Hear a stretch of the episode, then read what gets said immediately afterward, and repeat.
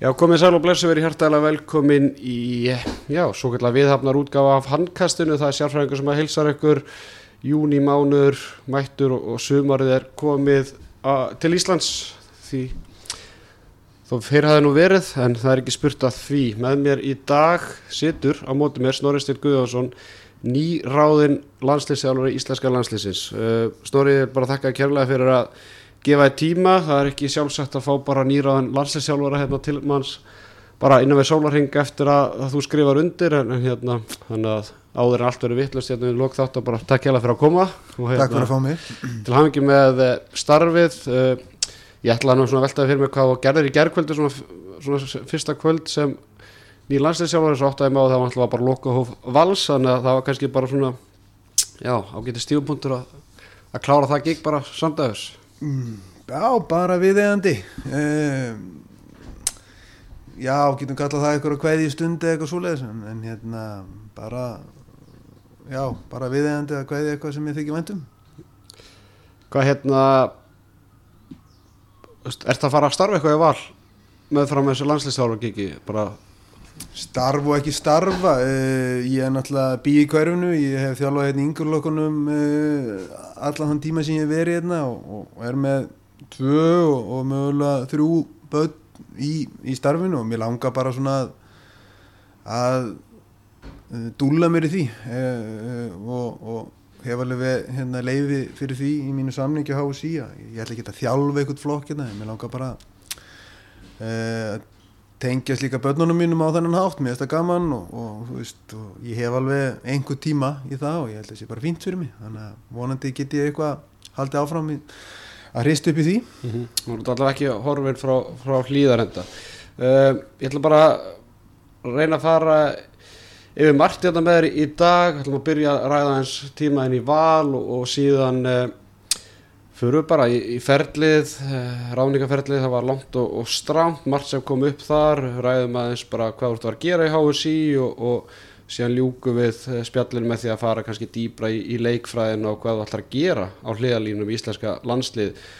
Uh, þú tekur við, við valsliðinu nýkomin heims úr aturumönsku tekur við sem spílandi þjálfari. Það er kannski ekki margir sem mun eftir því. Ég man eiginlega ekkert mikið eftir, ég sá þú spilaði eitthvað 8-9 leiki þetta fyrsta tíðanbilið ert 6 ár í val uh, endar með nýju uh, sækja þér nýju titla tekur við Íslandsmestara liði uh,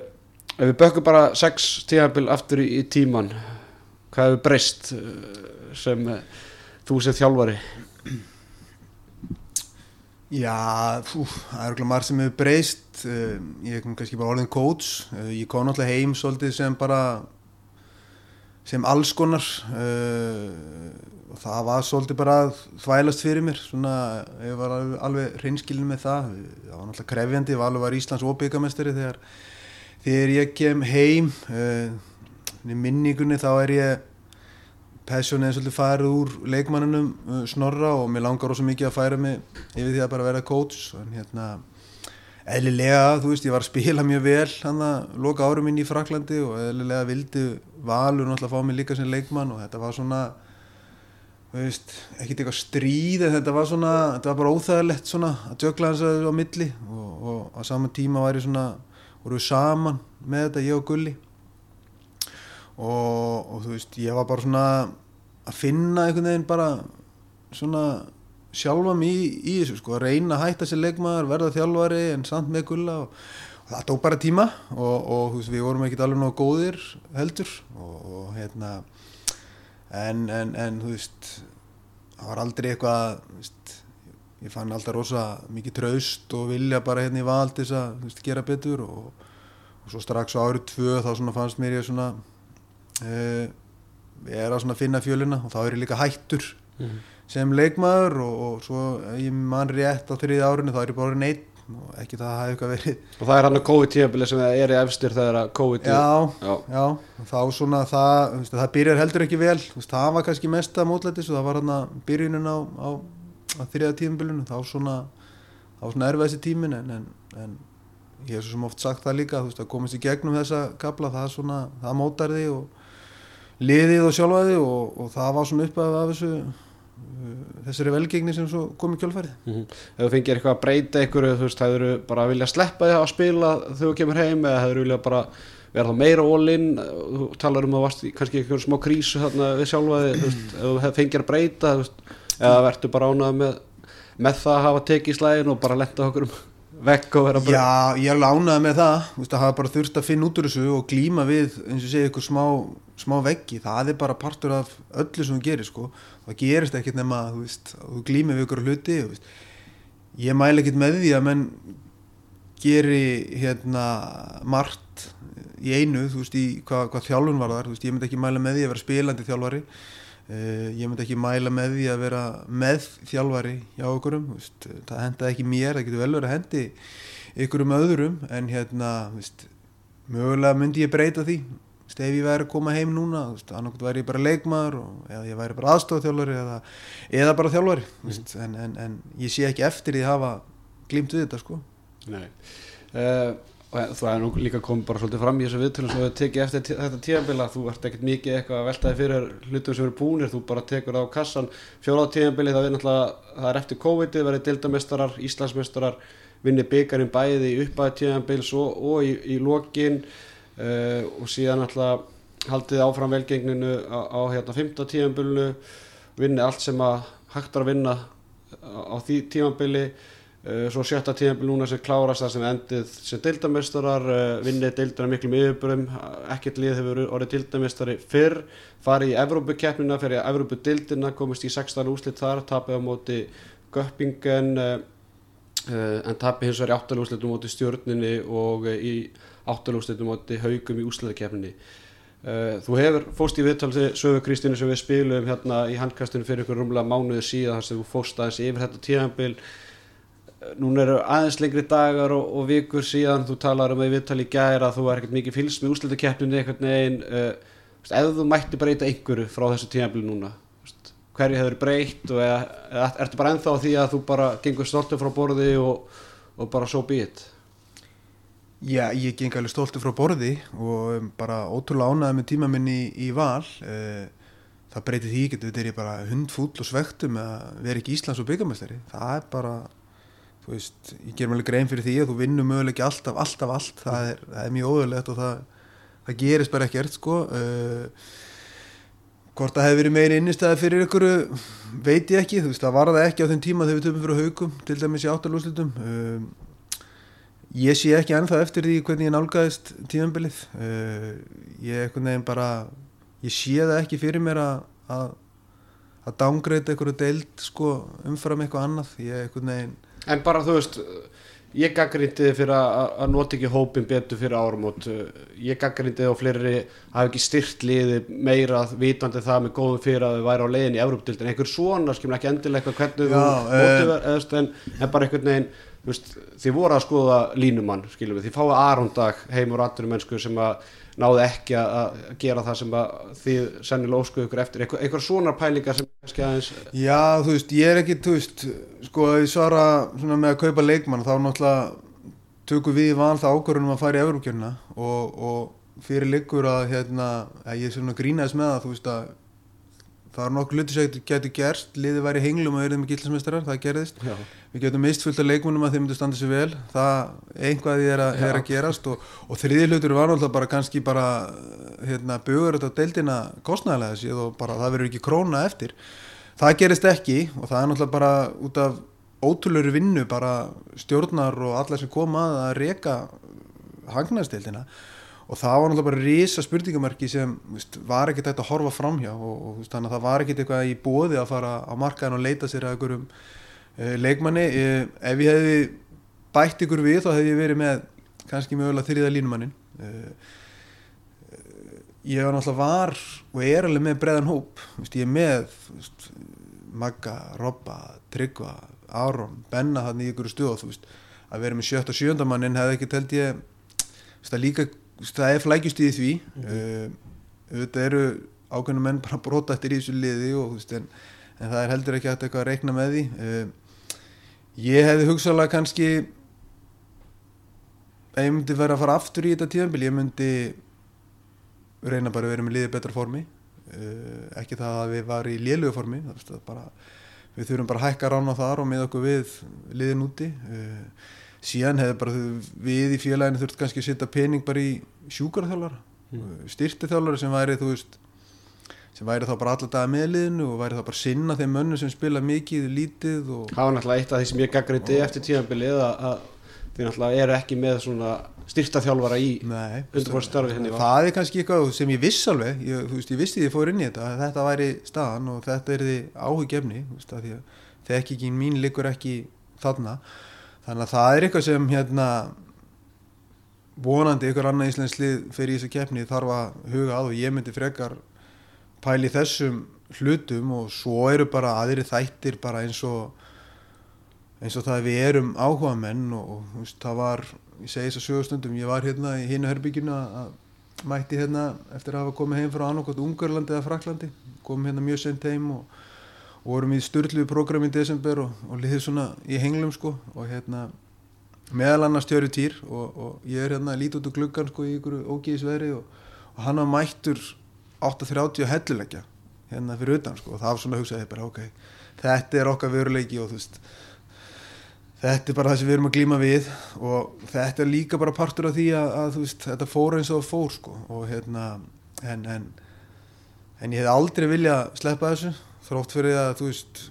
það er alveg að færa góður auk fyrir því að þetta hefði kostað okkur ykkur að tilla mm -hmm. En bjóð til því líka minningar og, og bara reysa skref, fyrir íslenskar handbólt að Valur hafi farið í þessa öfrumkjafni, ekki, ekki spurning. Uh, hvað, ég getur vann í janúar, februar, mars, þá skrifur þetta nýjan tökjara samlíku val. Þannig að þú varst allar að halda áfram og hérna, varst alveg klárið það. Þannig að þú veist, núna ertu að kveðja valsaruna, hvað er svona þín, já, loka orð eitthvað neginn þú veist, bæðið bara til stuðnismanna, leikmanna, stjórnarinnar, skilur með, þú veist, sérðu, sjáum að það eru mikla breytingar á liðinu, þú veist, það eru önnur lið að styrkja sig, afturlík verður stöður að styrkja sig, FA verður að fá Aron Pálmarsson heim og, og fleri, hvað er svona, hvernig sérðu valslið, bara við ljúkum valsumræðinu, hvernig sérðu valslið fyrir þær svona næstu missurum? Ég held að sé alveg eitthvað svona smá tímamút bara hjá liðinu. Uh, ég held að Valur er alltaf Valur og Sagan bara hún segir okkur það og ég hef ekkert áhugjur eitthvað af, af Val sem slíku. Það er í það er í góðum höndum. Uh, allstar og, og það eru yngur lokkar á leiðinni sem félagi getur byggt á og, og hérna veist, Sagan segir okkur líka það bara veist, þetta er bara upp og niður og þú veist þóttu við vinnum oft og mikið þá vinnum við ekkert alltaf og ég hef ekkert einhver áhugjur af því þú veist Valur stendur það alveg af sér sko og hérna liðið gott. Eh, eh, deildin verið fróðlega á næsta ári. Eh, það verður gaman að sjá veist, hvernig FH kemur inn í þetta. Afturhelding verður dundustert IBF að missa rúnar það verður fróðlegt að sjá veist, og þjálfana sinn og það verður fróðlegt að sjá það. Það verður mjög fróðlegt að fylgjast með, með völsörunum en, en ég myndi alltaf hafa vali í, í tóf fjórun mm -hmm algjörlega. Eh, bara fyrst við erum að ljúka þetta ljúka þessu hérna með val. Kom einhvern veginn til greina að þú myndir stýra valsliðinu með landsliðinu þegar að bara frá fyrsta fundi eða, eða slíkt? Nei, það, eiginlega, það kom mjög skýrt fram eiginlega bara strax á fyrsta fundi Frá þér eða HSI? Uh, frá HSI og eins hugsaði ég það alveg þannig. Þetta er, veist, fyrir aðeins fram á mér sko þá held ég að landsliðsjálfur starfið sé bara fyrir mann sem er að gera það í fyrsta skipti þá svona hugsa ég það alltaf ég þurfti að dempa mér út í það og, og, og svona nota allir mín að krafta í það. Þannig ég sá það ekki alveg fyrir mér svona að gera bæði til þess að byrja með. Svo getur vel verið að það þróist hann eða það sé ekkit mál að gera það sko. mm -hmm. Algjörlega. Uh, Vindum okkur í aðeins þjálfara uh, samlingavirðan við HSI þetta tók sinn tíma uh, frá því að þú ferði því fyrsta fund með HSI og skrifar undir samlingin í, í gær fyrsta júni þá líða tveir og hálfu mánuður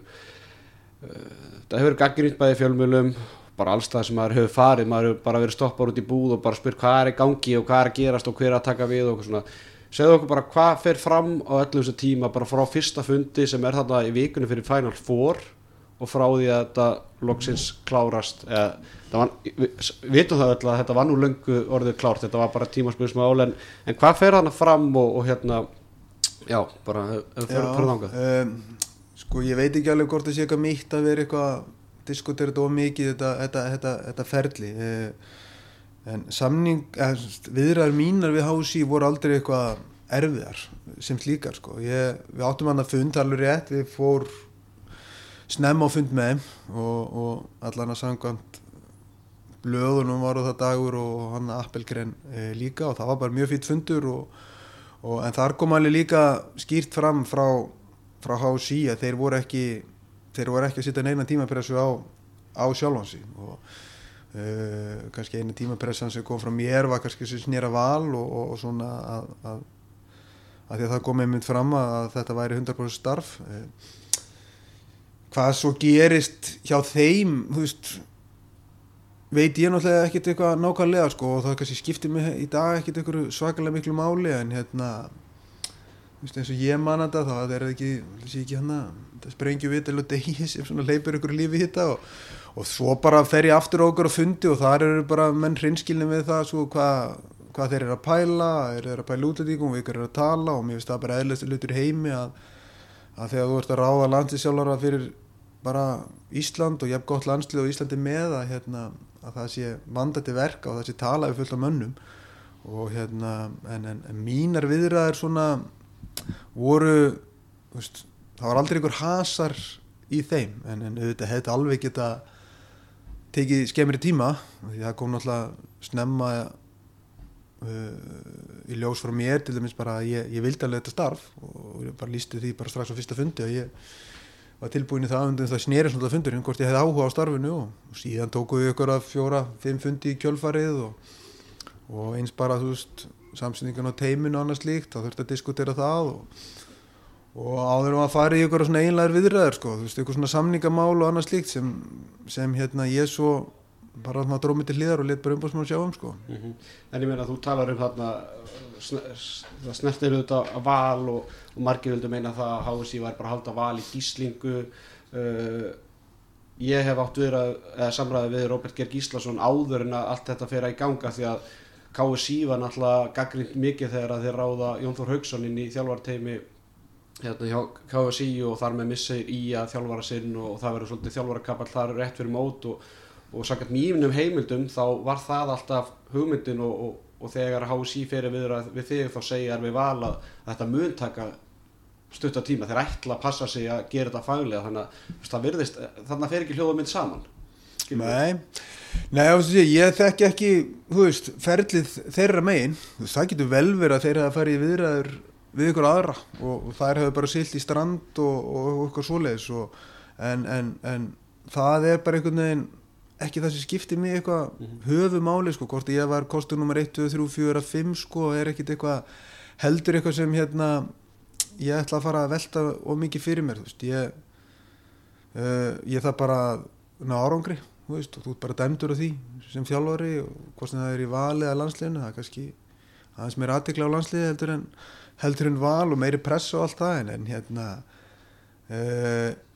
ég hef bara það mikla trú á mér og þessu liði að, veist, að, að þegar að því kemur að við þurfum að ná í úslit þá bara gerum við það og þá,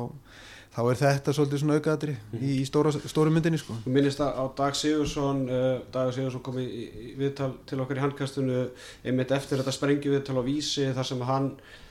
bara við kendi það og staðfesti það að það hef, hann hefði haft áhuga á því að vinna með þér og, og, og sangat mínum heimildu á þess að ég kannski spurti að því er að, að þú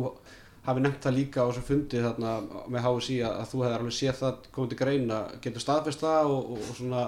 hversu raunhaft var það allt saman að þú og Dagur hefði getið orðið saman landslýstjórar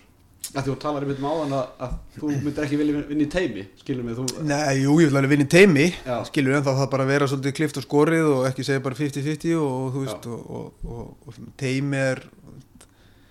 já, já, þú veist, það er bara þetta það er þetta útferð það á svo margan hátt en hérna já já þú veist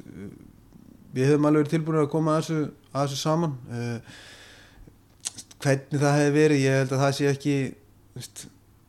þetta var bara ekki að veruleika þannig að mér stegi alveg óþjóður að vera eitthvað hérna, fór þetta eitthvað nei, nei, þetta fór aldrei eitthvað aldrei, þetta fór aldrei eitthvað þannig diskussjónu ég og Dagur rættum ekkert eitthvað hvernig við myndum haga hlutunum sko, alls ekki og það var heldur ekkert eitthvað skilir að minna hálfu að að þegar ég sagði ég hef áhuga á starfinu að, að það væri með degi sko, það var ekki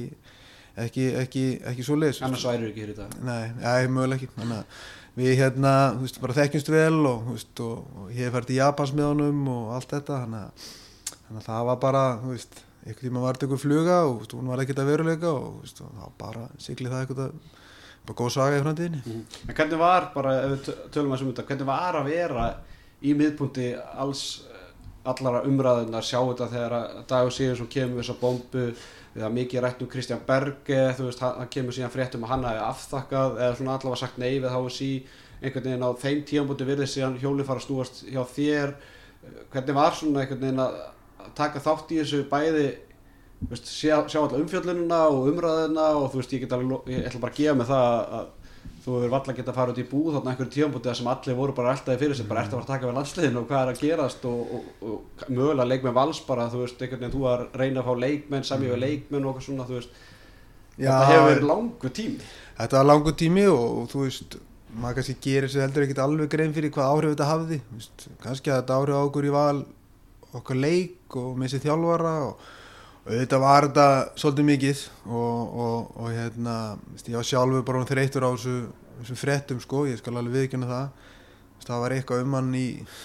í blöðunum á nánast hverjum degi og, og allt það en hérna þú veist áhrif ekki áhrif þú veist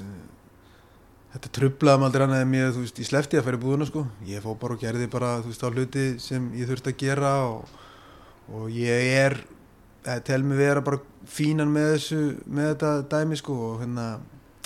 veist, ég er ekki mikið á samfélagsmiðlum og, og annars líkt þannig að þannig einhvern veginn bara fer fullt fram hjá mér líka bara og, og þú getur aðeins vali líka svona hvað hva þú tekur inn sko veist, þetta fer ég alveg á vísi og MBL og veist, les fréttir um eitthvað annað en, en íþróttir en, en, en veist, þetta var aldrei þannig að ég misti eitthvað svakalega svefni yfir þessu. Uh, Arnur Allarsson verður þinn aðstóðar þjálfari uh, hvernig kemur það inn í, í myndina og var það svo þinn fyrstu kostur? Einhverjir voru að tala um að Erlingur Richardson hafi verið inn í myndinni getur staðfist það eða var það ekki rétt eða? Já, ég ætla nú kannski ekki að fara að tala um hverju voru inn í myndinu en Arnó var bara fyrsti kostur á mér og, og þegar við svo förum í þessar einlu viðræður þú uh, sagt samninga viðræður og hvernig ég sjá þetta fyrir mér þá, þá laði ég bara áslá það að, að það væri Arnór sem hérna yrði með mér. Uh, við áttum bara gott spjall um það ég og Hási að hérna hvernig við sæjum teimi fyrir okkur og þeir eru skoðum því og en en, en svona það var þunga áslöf frá mér að, að fá hann með mér í þetta og, og, og líka bara eftir ég talaði við henni fyrsta skiptið um þetta svona, af alvöru þá svona fann ég það líka bara á honum að hérna, hann brenni ég mikið fyrir þetta og ég og vildi bara koma inn í þetta og, og bara á þannig fórsötum að, að, að, að það er bara svona þetta klikkaði saman mm. hvað verður svona, er þið búin að púsla saman hvað hans hlutverk verður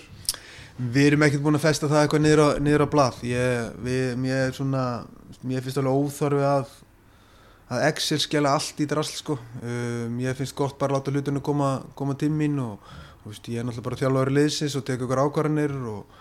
og, og við þurfum bara eins og gengur gerist bara líka bara með, með lið og leikmenn. Veist, við þurfum að finna okkar dýnamík saman og auðvitað bara í öllu sem tekist landsliðum þá hefur vinnu tímin aldrei með þér. Þannig að, þannig að við þurfum að finna fljótt út úr því en, en einhvern veginn bara að okkar vináta og, hvernig voru þessi leikminn og leikminn saman inn á vellinu þá hef ég alveg rosalega litlar ágjörði að við finnum ekki okkar fjöl saman í þessu. Mm. bara fyrst eru konar í, í þjálfartemi hvernig, hvernig verður þjálfartemi mynd, verður markmannstjálfari uh, hvað við segja? Uh, það er eitt slott lust uh, og ég og Arnar ákveðu það bara í öllu þessu ferli, þetta tók náttúrulega sinn tíma og þú veist, það var fram og tilbaka að semja og, og á þess að ég ætlaði að fara eitthvað að dítela það líka bara með Arnar, þú veist, hann er í annari vinnu og allt þetta. Að okkur langar bara aðeins að hittast, fara aðeins yfir hlutin að fara aðeins yfir liðið og pæla aðeins í þessu og, og kannski bara vega og meta saman svona hvað hvað það er sem við teljum að við og liðið þurfi og hvort að, hvort að það sé eilu markmanns þjálfari eða, eða bara eitthvað þriði þjálfari sem er með markmann á sínu könnu uh, getum orðað þannig. Uh, það er svolítið bara svona sem við ætlum svona aðeins að leifa að, að, að við ætlum að melda það svona í sammenningu og að því að það kannski líkur ekkert alveg á að, að, negla það. En þú talar um einmitt, að þessi eitt slott uh, maður, eh, maður hefur fylgst með þessum stóru þjóðum uh, og ég meina Kristján Andresson held ég að sagt í viðtali að ef, ef Ísland ætlar að taka næsta skref og, og nálgast þessar þjóður þá þarf þetta að vera bara, þá þarf að taka næsta skref og, og maður velti fyrir sér einmitt, þú veist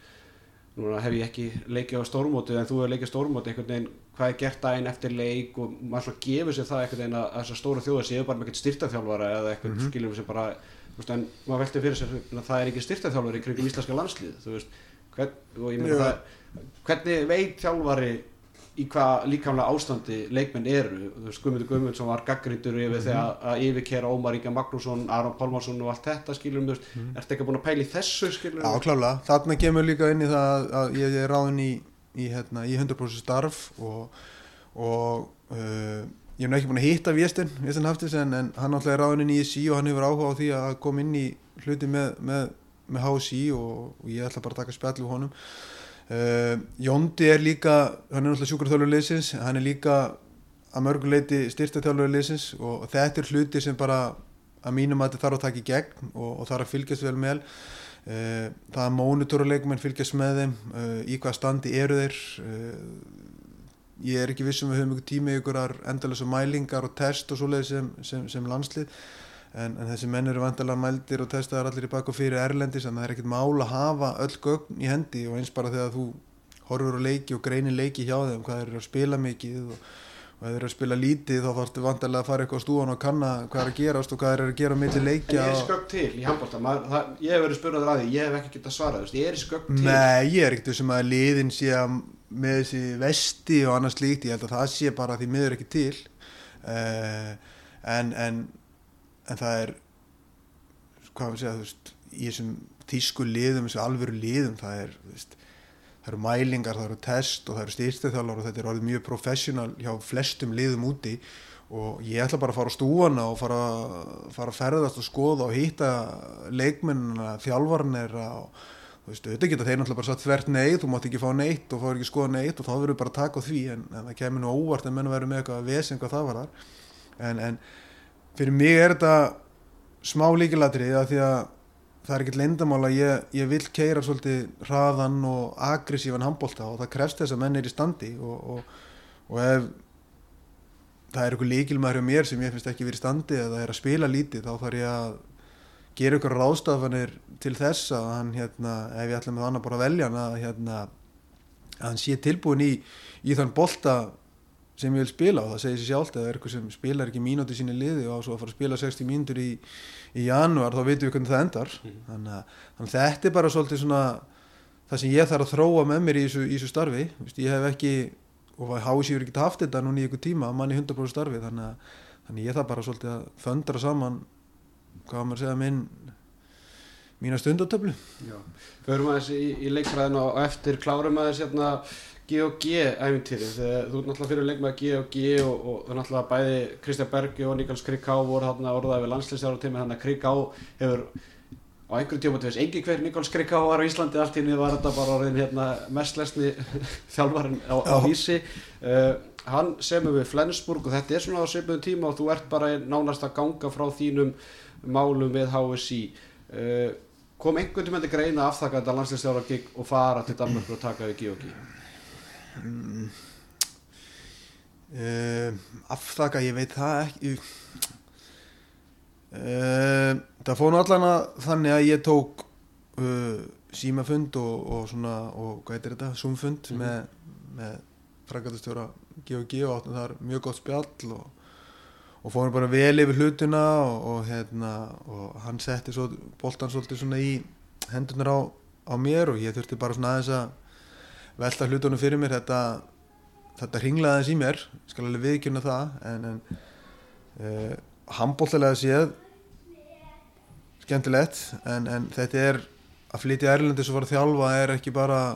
þjálfarinn Snorri Steit Guðjónsson ég á náttúrulega þrjú börn og hund og konu og og þetta var bara miklu flóknar heldur en það bara alltaf að flytja út og fara að þjálfa. Þannig að ég gaf ekki meira að færa á mér. Hvað GOG varðar og ég fann það bara að ég var mér langaði í hási, mér langaði í landslið mér langaði í þess að gauðra sem er í landsliðinu og þannig að, þannig að það, þetta gogdæmi gerði ekkit annað en að svona ringlið mér í tóþróta Hvað veit ekki líka innum ári og, og fyrra því að eftir ár þá ertu búin að vera eða frá Danmarku tíu ár og þá ertu komin í annan, annan skattref. Ég peningilega sé að koma þetta einar og snemma, engi spurning og, og hérna,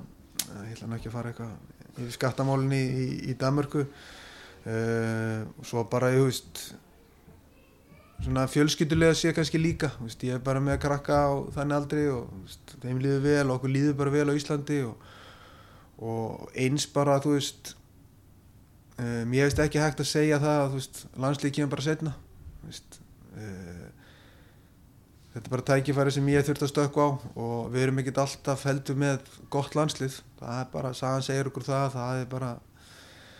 uh, fjöldin er bara þannig hjá okkur. Að, hérna, það eru hæðurlegar í þessu og mér fannst bara tækifæri núna til þess að ná árangri með landsliðinu og væra það mikill að ég bara gæti eiginlega ekki þessu. Og þetta svar kannski svara eða næstu spurningu að því að ég er nokkuð Já, ég hef nokkuð vissum það að, og það hafa menn komið í fjölmjölum og, og bara hrist hausinn við því að Snorri Steinn Guðansson ætla að taka við landsliðin á þessum tímanbúndi búin að vera sex ár með félagslið og, og, og ég, meni, ég held að Gummi Ben hafi verið ykkur hlaðvarpið þar sem að hann sagði bara ef ég mun hitta Snorri Steinn þá myndi ég bara segja hann bara drullar til Þýskalands eða til Danmörkur og taktu við ykkur félagsliði þar. Þetta var svolítið kannski svara þeirri spurningu einhvern veginn að og ég ætla að gefa mig það bara þú hefur alveg fengið að heyra það frá reynslu meiri þjálfurum eða einhver slíku bara þú veist, hvað er það spá? Já, já, menn hafa alveg skoðunur á því sko, hvað, þú veist, hvað ég ætti að gera sem, sem þjálfari sko, en, en, en og, og ég kann alveg meta fullt af því sko, menn, þú veist, vil ég ráðleggja manni og, og, og allt það, en hérna, uh, eins og varst að segja, ég held ég að svara þessa spurninga ágætlega, þetta er, þetta er draumatækjafæri og, og það kemur ekkit, Þetta gummi hefur verið þrjósafjálfari þá þú veist getur ekkert bara að reikna með því. Við hefum bara fullt, fullt af frambærulegum þjálfurum uh, og, og, og að halda að það komi bara einhvern tíman aftur næsta tækjafæri það er ekki það er ekki svona eins og ég vildi hugsa. Það þannig að, þú veist að fara til Þýskalands eða Danmörkur jú, þú veist, auðvitað það alveg þjálfarilega séð uh, eitthvað sem ég hef alveg hort til en, en en sem fjölskyldumæður og, og pabbi þá og hundegandi og hundegandi þá hérna þá finnst mér það ekki vera uh, rétt skrif í dag. Mm. heldur betur. Uh, segðu mér hvað fælst í því að vera 100% í 100% starfi í hási ég hef bara ekki hugmyndið það ég er alltaf bara að vera einn dag í vinnunni þannig að En við komum til B. bent á það að þú ætlaði að taka til hendinni og hjálpa þeim í svona útbreyðslustöru Já, ég, það finnst mér nú bara minnsta málið af þessu öllu sko og, og, og það er bara vel að HSI allar að, veist, að er að reyna að gera eitthvað til þess að þú veist auka vinseldir handbóltans sérstaklega þar sem kannski hann hefur ekkit verið hátt skrifaður og, og meðan ég bý hérna í Íslandi og er í 100% starfi þá er mjög öll fyrir mig að taka þátt í því. Ég hefast um að það fylli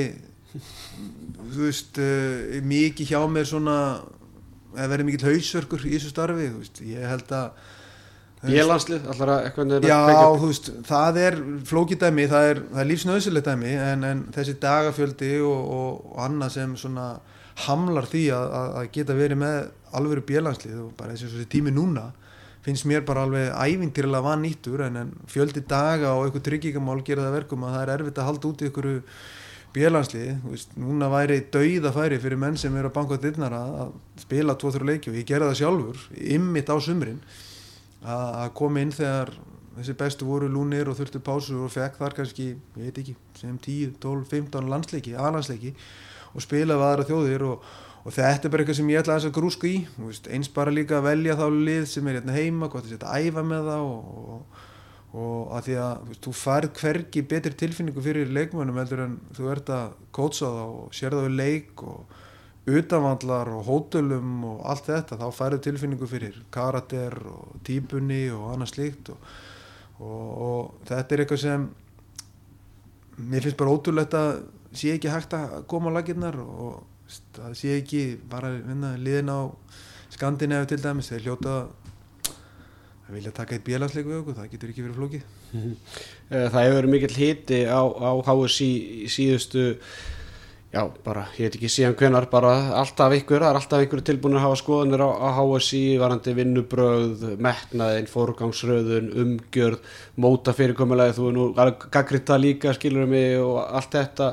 Uh, er þetta eitthvað sem þú vilt einhvern veginn hafa áhrif á eða allar bara að láta þetta slæta eða, veist, það, það hafa margir, ég meina margir haft ég meina hvað er að gerast í dómarmálum með handbóltanum skilum, hver er endur nýjum þar þú veist, og allt þetta móta fyrirkomi lægið og, og alls konar alltaf vera kvart yfir hvað er mikið stuttum pásum yfir tímabilið og, og allt þetta, þú veist, er þetta eitthvað sem að þú munt segja þína skoðunir á eða? Ég mun öruglega segja skoðum mín á því því ég er hann inn á skrifstofunni og, og, og allt það sko en þetta er ekki kannski mitt starfs við að vera velta mótamálum eða dómarumálum uh, fyrir mér sko. Uh, mitt starf náttúrulega fælst í því að þjálfa aðlandsliðið og, og, og koma svo að mótun yngri landsliðina kannski líka og fylgjast með þeim og, og svona hvað hvað við getum lagað þar. Þannig að þetta er svona ég veist að hafa skoðun á hlutunum það er alltaf læg sko og, og, og diskutera það en það er eflust ef menn sækist eftir því að ég eitthvað chip inn í það þá er það ekkert andamála með að það tekur ekki ykkur orku frá, frá því að undirbúa liði fyrir móti í januar En nú ertu ekki, nú ertu ekki lengur þjálfari í deildinni. Ertu með eitthvað svona gott dæmi sem að þér finnst þurfa að breyta á Íslandi til að, að þróa eitthvað eða gera bara, gera þetta betur, skilur mig. Þú, þú hefur sterkar skoðanir, þú ert búin að vera út í aturmjösku, búin að þjálfa í deildinni í sex ár bara fyrir hlustendur sem að þú veist, hafa séði kannski minnast á eitthvað í viðtölum og svona þú veist hvað finnst þér ábótavant á Íslandi sem tengist annarkvort á handbóltanum, yngjörflokkum eða þá volistildinni og, og Við erum, við erum frábæri kannski í 16, 17, 18 landsliðunum en, en síðan, þú veist, hefur kannski síðan eru þeir sem eru frábæri hafa tekið næsta skref en svo eru kannski aðri sem að verða eftir. Ég held, við þurfum að horfa alltaf bara meira í hennan, hennan fysikal þátt og fara bara að gera hann betur og bara hækka standardin þar að hérna en er þá ekki skrítið að þú setja að segja það þjálfari sem var ekki eins og styrta þjálfara í, í þínu félagi? jú, en þú veist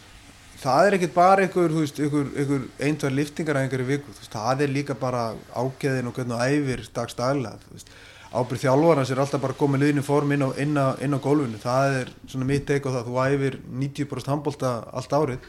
inn í, inn í sal með bólta og, og það eru hlutinir gerðir, segi ég. Uh, ef við tökum bara okkur sem dæmi val í vetur, þá hefði ykkur styrtithálfum verið meira bara að koma í vef fyrir það að við hrinnjum í meðsli það var ekki að gera menni ykkur sterkar eða eitthvað svoleiðis og, og, og hlaupa geta manna hún kemur inn á parketunni segi ég og, og handbóltinn í dag er farin að gera tölvört meiri kröfur á það að menn getur bara hlaupið og djöblast í 60 mínútur heldur en kannski það kannski helst í hendur og lifta rosa miklu sko en, en þú þarf að geta gert bæði þannig að veist, ég finnst við þurfa að bara spila þéttar. Ég er sammála með þessar pásur það er að versta sem kemur fyrir í þetta en þetta ringlar þetta í hlutunum þú veit með byggakefni og einhver lið í Evropakefni en, en, en, en hérna, þóttu þetta Evropadæmi okkar hafi kostað mikið þá, þá er þetta eitthvað sem við þurfum að horfi í og svona eiga hlutin að vera og þannig er þetta hjá bestu liðum í Evropu og, og við þurfum að horfi í það ekki horfa í eitthvað sem er fyrir neðan okkur sko. en myndur þá, talandu þess að landslækjapásu myndur þá vilja lengja bara þá frekar pásun þannig að þú gæti þá nýtt þessa pásur í að, að lifta meira eða, eða skilum að því að þetta er svona kannski tíu daga pása þú veist einhvern veginn það er kannski þryggja daga frí og svo ertu bara strax farin undir eða þú veist þú nærði ekki að gera kannski eitthvað annað en þú ert hvað sem er að gera bara á venjuleg tímabili nema kannski gefa mönnum þryggja daga frí eða eitthvað Ertu að tala um hérna heima? Já. Ég held bara að það þurfa að koma meira bara, veist, ég ætla ekki að eitthvað ekki að veist ákveða hvernig þetta er hjá öðrum liðum, öðrum leikmunum ég held bara, við getum bara eftir miklu meira, ég er bara með stráka hér mjög duglega, þú veist örgulega hvað ég er að tala um og, og þeir líki vetur undir miklu álægi spiluðu flesta leikina en þeir gáttu líka lift og djöblast og, og gert hluti sem kannski e, það er ekki nógu þú veist að veist, það er ekki nógu að vilja það sko, þú ert líka bara að nenna þig sko, og bara að sinna þig sko. ég, ég held að það sé svona meira það að þú veist að þóttu spili mikið og það er margir leikir þá getur ennþá sindur og eftir vel sko. mm -hmm. Uh, Förum aðeins í, í núna landsliðið og, og hvað þú ætlar að gera á, á parketinu bara svona fyrsta spurning, svolítið stór en fínt að vita bara strax. Hvað teluðu svona vera þið, þín stærsta áskorun sem býðu þinn í, í nýju starfi? Uh, ég, að mín mesta áskorun alltaf þessi ekki bara að, að hérna uh, já, Þú veist, er það að ná til leikmanna, þú veist, einhvern veginn að fínpúsa það sem þú vilt gera á vellinum, uh, vera opið fyrir að þú eru kannski breyta þínu leikstíl eða, þú veist, Já, því áskorun kannski fælst kannski bara í því að ég hef ekki þjálfað landslið og, og er reynslu laus uh, eða lítill svona, hvað það varðar. Vist, og ég það bara vist, ég er ekki smeyku við það vist, að, þú getur ekkert kefti reynslu og hérna hún verður bara að koma með tíð og tíma en á meðan hún er ekki til staðar þá þarf ég að finna leið bara til þess að vega móti því og vera bara góður annar staðar. Um, kom þá aldrei til greina að fá hvernig aðstofþjóla að sjá með hrinsli? Jú, jú, Eða viltu bara fara þínar eigin leiðir það kom líka alveg til greina en þú veist, um, þú veist reynslan er heldur ekkit allt sko. Þú veist, þú getur líka alveg farað á tíu stórmót og það er ekkit að vera svona góð þjálfari sko. Það er alveg til alls konar dæmi alls konar dæmi það og veist, og reynsla mín er bara í öðru, ég farið á stórmót sem leikmaður og Arnór hefur verið að þjálfari í Evropakefni, Champions League og eitthvað svona. Þannig að það um, hef ég ekkit eitthvað svakalar áhyggjur af sko, veist, þangur til annar kemur í ljós, veist, svo er náttúrulega bara þetta tímadæmi sem er náttúrulega áskorun fyrir alla, alla þjálfara uh, sem er að þjálfa landslið og, og svo kannski áskorun, það er svona það er svolítið svona að finna gott teik og rétt teik á það hvað ég vil leggja áslá og, og ég á náttúrulega eftir að greina bara alla leiki liðsins undanfærin ár og svona aðeins að vega með það og fá svona aðeins tilfinningu fyrir því. Og að því þegar allt kemur til allt þá nærið ekkert að drilla alla hluti sem þú vilt gera fyrir stórmót. Og, og þannig að það er svona áskorinn í því að, að svona taka góðar ákvörðum þar hvað, hvað ég haldi að þurfa að gera? Uh, áherslu breytingarnar á, á leikstílið sem þú, þú nefndir það eins áðan til að taka bara boltana eða þar. Komst með góðan punkt sem ég ætlaði einmitt að reyna einhvern veginn að kasta í andlitaðar á hana því að þú veist, eins og sagðir að það gengur ekki að segja, ná að vera með einhvern risa prófíli landsliði sem er bara ekki í formi eða getur ekki spila þann bolta sem þú vilt spila og þannig ég fór að veltaði fyrir mér þú veist, sérðu fyrir þér að velja eitthvað leikmann sem hefur kannski ekki verið eitthvað stór faktor í íslenska landsliðinu og kannski ekki fengið tækifæri en þú sér bara, þú veist ég er ekki endilega að segja að þú sér með það núna en þú sérðu fyrir þér að þú munir kannski velja eitthvað óvæntan leikmann í hópi bara sem að kannski myndi ekkert smeltpass inn í íslenska landslið fyrir tveimur árum, þreimur árum en, en væri frábær í því hlutverki sem að þú sérð hann í þín, þínu leikstíl. Basically ert að fara að breyta miklu í leikmannhóknu Nei, nú ekki fara að breyta miklu. Ég held að það sé fyrst og lengin ástæða til þess. Uh, uh, þetta er góðu kjarni, þetta er góðu leikmenn og að umturna eitthvað liðinu er ekki, ekki það sem það er að gerast. Uh, þetta er lið sem er fyrir ykkur síðan farið á stað í ykkur að vegferð. Þetta eru gauðra sem hafa viljan á árangur á mótum og svona eru hungraðir í það. Þannig að það er meira mitt að hreyfa eins við því, íta okkur að takka og, og, og og gera svona suma hluti bara aðeins betur. Pappin vil meina að Ára Pálmarsson fari í megrun til dæmis? Já, ég held að það sé bara mjög rámt hjá hann uh, ég held að það sé tundu standi líkanlega ég held að það sé ekki vandamálið. Ég, ég veit hann er búin að leta sig og veit hann lítur vel út og Arnar Atlas að, hann væri, hefði verið stórkostlegur þannig til þessi meðsli síðustu komu. Þannig ég veit ekki hvað hann hefur það. Uh, svona varandi leikmann á hópi þú veist mér finnst við alveg að hafa úr tölur mörgum leikmennum að, að velja. Uh, þetta er ekkert allt heimsklassa leikmenn og það er alveg hrein og það er ákveðinu menn sem uh, væri rosa gott að væri dúndustandi í januar og við megum ekkert mikið við að missa. Það er alltaf þannig held ég í íslenska landsliðinu.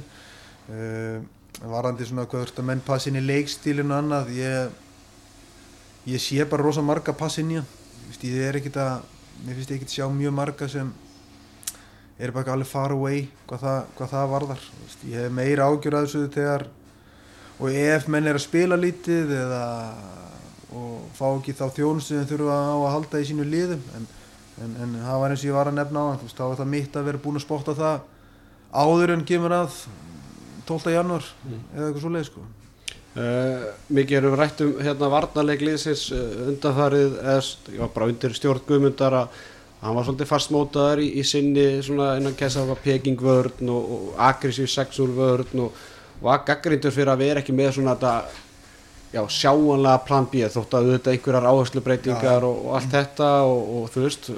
mæta, já já, hann ákveð bara að vera aggressífur á móti kannski þjóðu sem að þú veist, hefði kannski frekar henda íslenska landslegin að vera aðeins passívari á móti liðin sem var með stóra línumenn og, og þú veist Ímir, Arnar Freyr,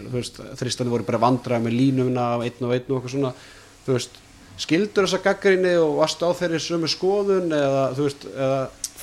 þú veist og hvað ætlað þú að gera? Mér fannst þessi gaggrinni svo sem allir læg sko, uh, en ég, ég þekki Guðmann alltaf mjög vel og við vorum sjálfur í þessu og ég, þú veist Treystur hún alveg sennilega? Já, veist, ég hef bara alveg getað svarað, þú veist, ég veit alveg að Guðmi var ekkert að bakka með það og það er líka bara það er hans kostur, það er svona þessi trú á það sem hann, hann gerir. Uh, varandi varnarleiki, mér fannst um daginn liði vera svona bara gera ákveðinu hluti þar vel og skemmtilega. Svona, voru aðeins Þú ert að tala um varnarleiki með Gunna og Maggo og Hústa sem bakkaðis Já, mér fannst þeir aðeins svona passívari og svona kannski voru að veist, þú þarf líka að vinna með styrkleika manna þar og hvað þau hefur, þú veist, og ef menn eru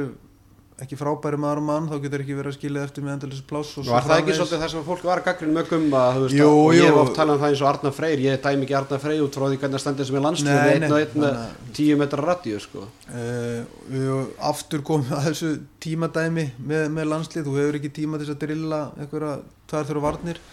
en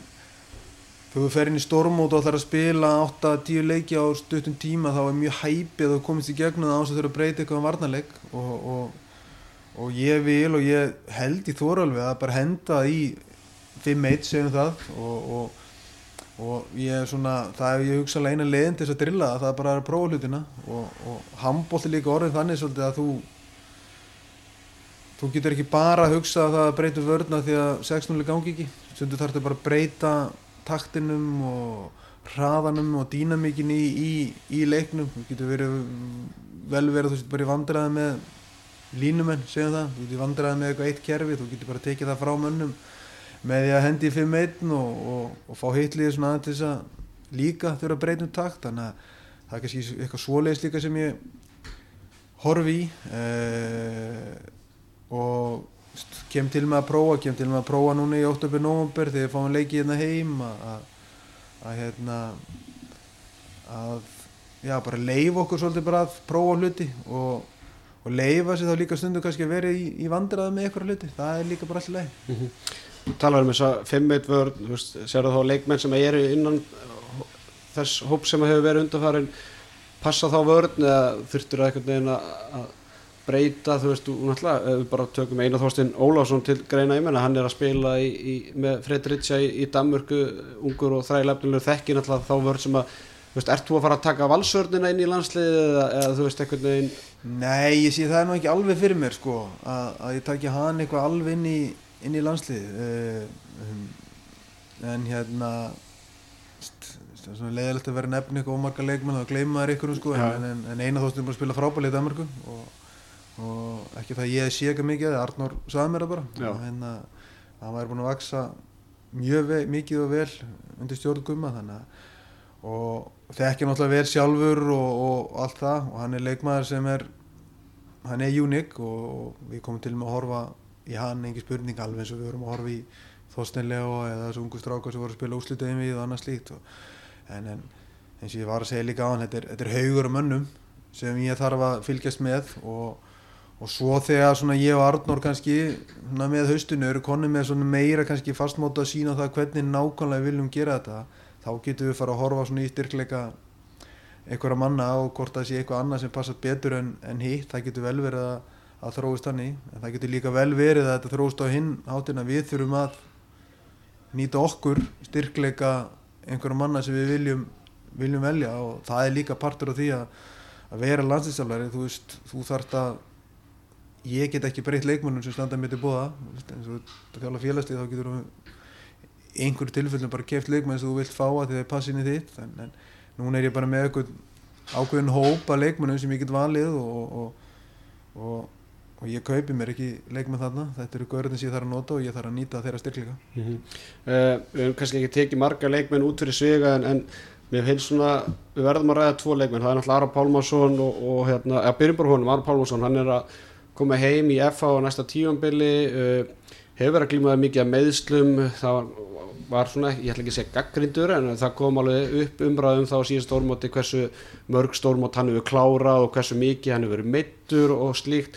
Einhverju gaggrindu guðmund bara einsfallega hvernig hann nýtur hann skilur mig? Að þú getur hérna kannski ekki nýtt leikmann í 40-45 minnir sem er kannski bara vanur að spila 10 minnir og 10 minnir í félagsleðunum þú veist ég ég velti fyrir mér, ég meina hendar Aron Pálmarsson leikstílum sem Valur hefur verið að spila og þú er svona ég að, að því langi að spila með hérna með landsliðinu veist, ef við tökum hann bara hans út fyrir svega hefur velt þessu fyrir þér skilum með veist, veginn mun, mun íslenska þjóðin á næsta stórmóti sjá Aron Pálmarsson í öðru hlutverki en það hefur séðan í, á síðustu stórmótum? Á, á næsta stórmóti verður Aron Pálmarsson leikmaður FH Já, uh, ekki bara taka þetta allt bara. Auðvitað ef ég ágjör því að eitt besti leikmann sem við mátt sé mikið meittur það er bara, það er alveg óað því hvort hann heiti Aron, Ómar Ingi eða, eða Gísli Þorgir sko. það er allir þessi menn reyndar Já, með þannig að, veistlasögur þú veist, sko. það er það verði ekki svona vest í parturinn af þessu, það er að standa að sér desember og vona ekki meiðist sko. uh, það er klárlega ágefni um, það að hann fær í FH uh, auðvitað væri alveg frábært að væri bara áfram í sterkustu deildum í heiminum og spila þar á fullu sko. En hann tekur bara þessa ákvörun uh, hún er ekkit bara handbóltalegs eðlis og, og við þurfum bara að virða það og ég er búin að ræða við Aron. Hann er, er fáralega mótiverðar fyrir þessu. Hann veit manna best sjálfur að hann þarf að gera eitthvað. Hann þarf að gera eitthvað í sínum málum og hann er að gera það. Það er ekki eins og hann sé bara heima að bara snikkast þetta er ekki, það er bara þvæla. Þannig að, þannig að það vantar ekki viljan og löngunan til þess að eh, komast úr lappi hvað það var og hann veit alveg að, hérna, að það er meiri pressa á hann hvað þetta var og það er auðveldar að fela sig út í heimi fyrir bara fyrir sérfræðingnum. Já, fyrir sérfræðinum hérna er það bara mjög sínilur þannig að, þannig að hvað það var þar er þetta líka bara áhugavert. Veist, nú er hann bara veist, fyrir framann alla og hann er bara delivera og ég hef ekkert eitthvað miklu áhugir að hann gerir það ekki ef hann heldur sér e, meðsla lausum var þetta hans hlutverk þá hef ég alveg ákveðnar hugmyndir. E, ég er ekkert að fara umturna hans hlutverki og ég ætla ekkert að tala mikið um það. Ég ekkert ég ætla bara að setja sniðið með honum þegar hann flyttur hérna heim í sumar og fara að sé yfir svona hvað hva ég sé fyrir mig frá honum. En, en uh, Aron Pálmásson í dúndu standi og það segir sér sjálft að hann er leikil maður þá í þessu landsliði. Mhm. en bara þú veist um það einhvern veginn hlutverk leikmannsins þú, þú er, ertu sammála því að, hann hefur verið kannski bara ofnýttur Í- og ég meina og líka kannski á samanskapi vinstri skiptustæðan hún hefur verið svona ég meina margir hafa talað um að línumannastæðan hafi verið hausörkurinn en, en svo þegar menn bara herðu bakku upp að herðu Aron Pálmarsson nummer eitt Já, já. alltaf mittur einhvern veginn hver hefur verið að koma tilbaka eða fyrir aftanan og Já. allt þetta ég meina, veist, þetta verður ágætis svona hlutverk, ég meina verður með tvo miðjumenn eða skilum allt þetta þú veist, einhvern veginn? Mm, munum, ég meina, ef allsarði þeir spilu ofta ekkert mikið sóknarleik þeir bara skoru úr hraðablöf eða setja tempo ég meina það er hægt að bjarga sér þannig þannig að ég, ég, við skulum fara svona varlega það svona hvort ég ætla bara að gera eitthvað allt eins og valur. Ég held að við skulum bara veist, það var bara eitthvað sem ég gerði með val og það þróaðist líka svolítið þannig. Ég byrjaði náttúrulega ekki eitthvað að ég bara vaði upp völlin bara einhvern einasta skipti. Þetta svona þetta óks bara eftir því sem leið á og því meira sem enn tölum um það veit olíu eldin uh, stórmóti er náttúrulega annað. Það gríða litt áláða mönnum. Og hvort þetta sé hægt verður bara komið ljós. Og getur vel verið þurfum að velja að hafna líka bara leikina tímapunkt í leikjum og annað slíkt. Uh, á stórmóti þá ef ég ætla að gera þetta þá krefst þess að, að, að við rúlum vel á liðinu við séum með breytina, menn séum við heilir og, og svo margt sem þarf að gerast til þess að, að þetta verða á veruleika. En, en, en, hérna að ég vilja fara út í þennan leik það, ég get til með að láta reyna á það en svo eru bara að sjá hversu langt ég þróða með, með landslið sko. Einn leikmæri sem ég held að taka út fyrir svega gekk nú inn á okkur hérna áðan. Björgur Pál Gustafsson uh, hann verður ekki yngri og hérna en ég menn ekki það að aldur barkvarða sé ofta eitthvað vandamál en maður svona veltið fyrir þessu út að skrifa undir þryggjára samning veist þá, ég tek hans svolítið út fyrir svega nú þetta ávita um alla þú veist myndu velja alltaf þá bestu á þeim tíma eða ertu að hugsa til framtíð ég meina þú veist eftir 2-3 ár þá þarftu að vera með kannski einhvern annan markmann en Björgur Pál inn í, í markvarðarteiminu ef það er að segja ef þú velur hann hérna á næsta stórmót alveg klálega. Um, í grunninn snýst þetta náttúrulega um framistu Það er nú ótrúlega statement að þú myndir ekki velja Björgur Pál hérna þinn Já, við erum að grínast með það, ég held að hann vanti eitt leik til þess að vera með jafnmarka leiku ég. Þannig að ég sendi hann skilabóð þakka hann fyrir samstarfið í landsliðinu. Þannig að, ef veist Númer eitt á snýstöldunallum framistu ef menn er að standa sig, brenna fyrir þetta og gefa kost á sér, þú veist, þá kemur komaði það bara allir til greina og þú veist, eh, þá ekki skipta málu hvort þessi tvítugur eða, eða fertugur. Uh, auðvitað verður að hugsa eitthvað lengar fram í tíman og, og það er klárlega eitthvað sem ég kíkja á og ég er nú þegar byrjaðar að skrifa niður og búa til svona uh, ykkur að hópa og pælingar svona hvað er að koma og hvað get ég leitað í og, og, og hvað eru við í vesinu og hvað er ekki að koma og hérna en, en þú veist, ef við tölum um Bjögga sem slíka, þú veist í dag er hann bara einn af okkur betri markverðum og af hverju ætna það ekki komið til greina? Hann er náttúrulega með gríðlega reynslu uh, hann hefur kosti sem aðri markverðir hafa ekki uh, hann er fáránlega fljótur að koma bóltan með leik og þekki náttúrulega hennar leik vel og, og svo er hann bara klókur og, og ég bara hef, eh, svona, þetta er svona svipað sem Aron, þú veist ef þetta er livera, þá bara þú veist, eru þeir bara þannig eins og eins og aðrir sko, en, en það segir sér líka sjálft að við ef alveg í fallsæti í desember og markvæslinu mólum þá eru við í öðsynni sko. Maður veldur bara oft fyrir sér einmitt hérna, einhvern veginn, það er erfitt einhvern veginn að miða við það, þú veist, ef þú miða við prósetti og markverðið úrlisteldinni og svo kannski markverðið prósetti í dönskudeldinni eða í þýskudeldinni, þannig að það er svona einhvern veginn erfitt einhvern veginn,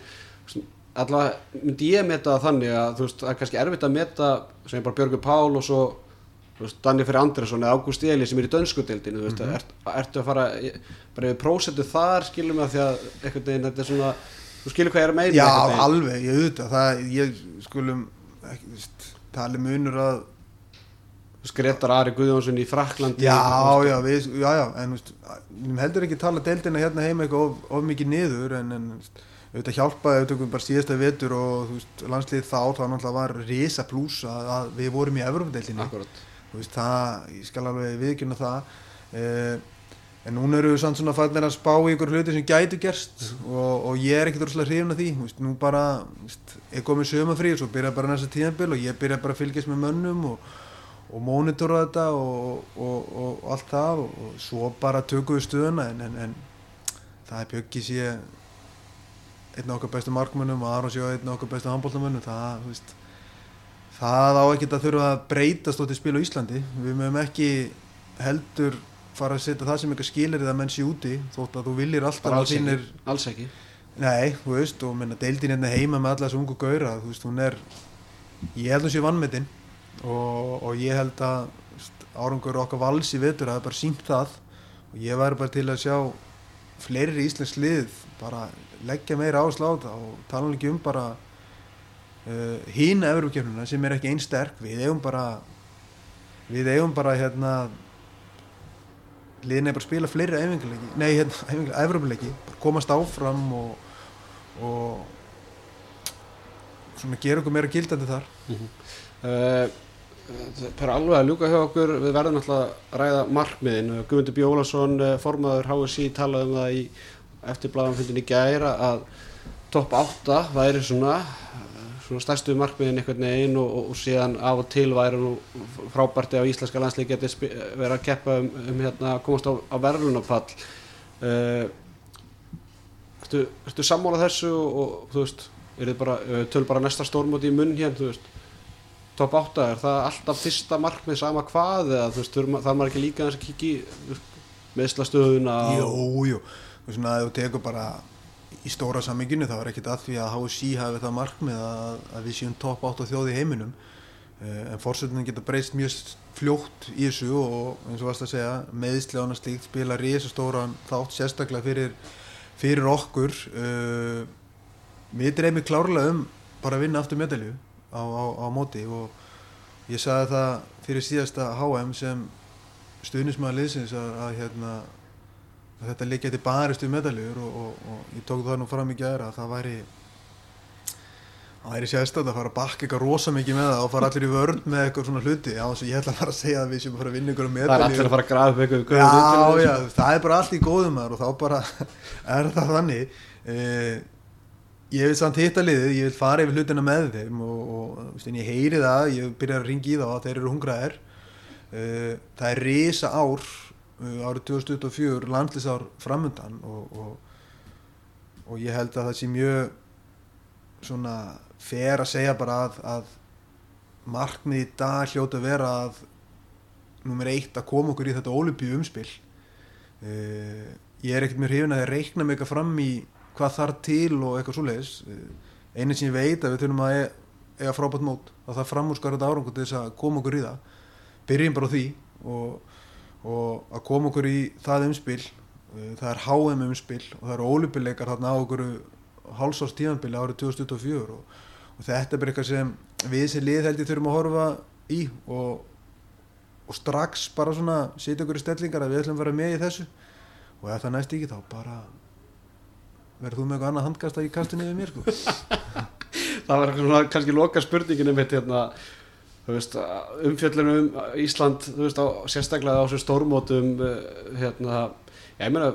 ég ætla ekki að fara í gráðgöndum með það bara handkasti í janúar það var ekkert eðlilega mikið hlustun á þetta og vakti gríðarlega hérna, bara mikla aðtikli og, og þar voru menn bara tilbúinur að gaggrina og reyna að vera faglegir þú veist.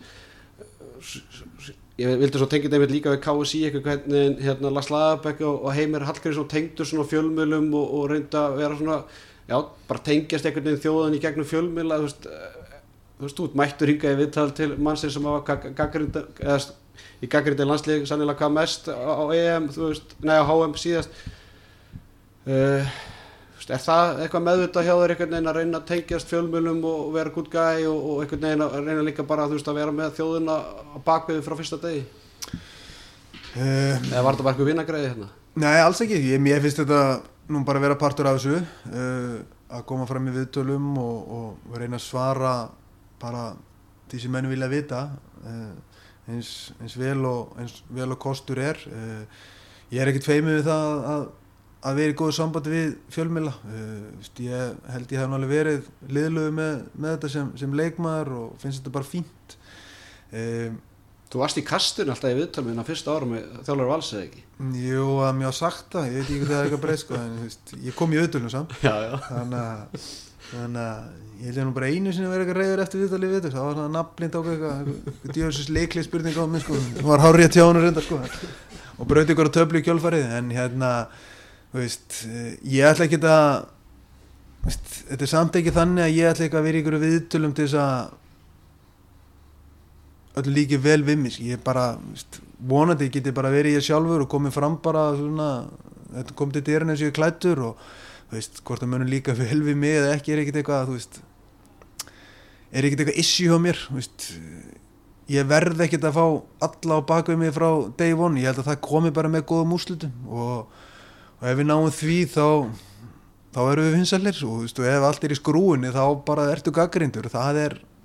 það er partur af þessu og hérna, þú velur ekkert að vera þjálfari og uh, ert ekkert landsi sjálfur í Íslands í handbólta og, og, og hérna, ert yfir okkur að gaggrina hafinn veist, það er yfirleitt eitthvað á vellinu sem gera það verkum að umtalið er gott eða slæmt og hérna uh, veist, ég get ekki stjórnum því nema, nema með góður framistuðu sko. mm. Myndu barna leikmann í Íslenska landsleisins að tjá sig á samfélagsspilum meðan að mótið stendur, stórmótur stendur Þetta er þú sem bjöka ég, tala nú í Karin í gónan sko, þannig get ekki bara tekið internetu og sambandin daginn sko. við bara að sjá um svona hvað hvað er leið ég fyrir því eh, eh, en ef þú ert að vitni í þetta sem var um daginn þá þá var ég til ég sleppa það. Já, það er góð loka orð Snorri Steinn Guðjónsson nýráðin þjálfar íslenska Karlanarstinsins takk ég alveg fyrir að, sýtast með sérfræðingnum hér í Vals heimilinu, bara hliðin á skrifstöðunans til 6 ára og, hérna já, gangiði bara vel í framtíðinni. Takk fyrir, takk fyrir mig